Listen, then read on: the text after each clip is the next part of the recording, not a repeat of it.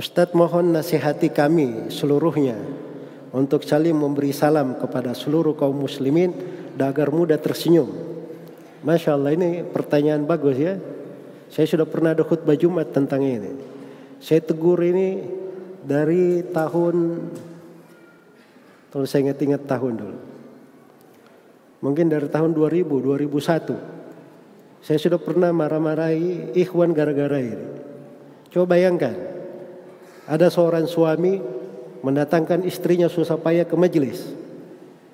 Sampai orang awam sudah diajak ikut talim. Begitu sampai di majelis pulang ke rumah menangis terseduh-seduh. Tidak ada yang menyapanya, tidak ada yang menyalaminya. Mana akhlak di belakang hal tersebut?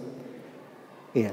Itu dari pengaruh akidah itu di pokok akidah itu ada namanya kesempurnaan, kesempurnaan akhlak.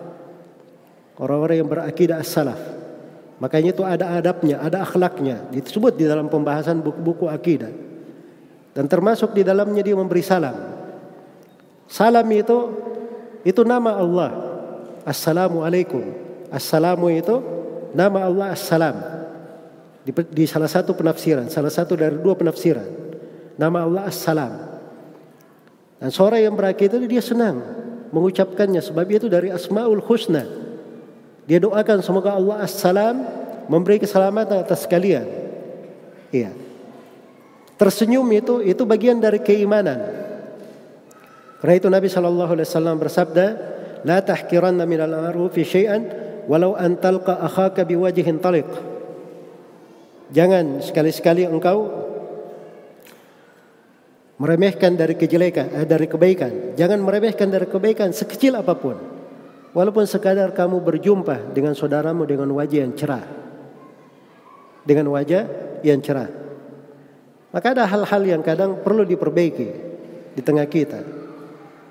Ada orang yang datang ke rumah Nabi Shallallahu Alaihi Wasallam, baru mengetuk pintu, Nabi berkata, bisa akul ashirah. Ini orang seburuk-buruk keluarga. Nabi sudah berbicara jelek, karena ini memang orang seperti itu. Tapi begitu orang itu masuk menjumpai Nabi, Nabi berlemah lembut kepadanya, berbicara biasa. Ya, setelah orang itu pulang, Aisyah bertanya, "Ya Rasulullah, tadi kamu katakan si jelek-jelek keluarga. Begitu dia masuk, engkau berlemah lembut." Kata Nabi wasallam kepada Aisyah radhiyallahu anha, "Ya Aisyah, inna syarran nas man tarakahu nas ittiqa'a fuhshihi atau ittiqa'a syarrihi." Wahai, wahai Aisyah, sungguhnya sejelek-jelek manusia adalah orang yang ditinggalkan oleh manusia karena orang khawatir akan kejelekannya. Nggak suka atas dia ini kalau ketemu dia ini pasti mukanya begini. Itu masuk ya di dalamnya. Ya, kalau ketemu sama saya ini orang ini pasti dia tidak salami saya. Itu ada juga model-model manusia seperti itu. Ya. Kadang dia berkata, oh, Ustadz Afwan itu kebiasaan saya. Seorang itu belajar untuk merubah kebiasaan. Itu fungsinya belajar untuk merubah kebiasaan. Jadi banyak dari kita itu akhlaknya memang perlu untuk diperbaiki. Khususnya orang-orang yang belajar sunnah ini. Jangan cuma teori-teori saja. Tapi dari sudut prakteknya kurang di dalam hal tersebut. Orang yang punya akidah yang benar, akhlak ahli sunnah, harusnya dia adalah orang yang paling baik akhlaknya. Orang yang paling mulia pembawaannya. Dan dia berusaha mengajak manusia itu berdakwah kepada manusia dengan lisannya, dan juga dengan contoh perilakunya. Contoh perilakunya. Makanya hal-hal bisa dia latih dirinya, dia terapkan. Dia lihat saudaranya ada kekurangan, ya, maka dia tegur. Ada apa? Apa yang bisa saya bantu? Ya.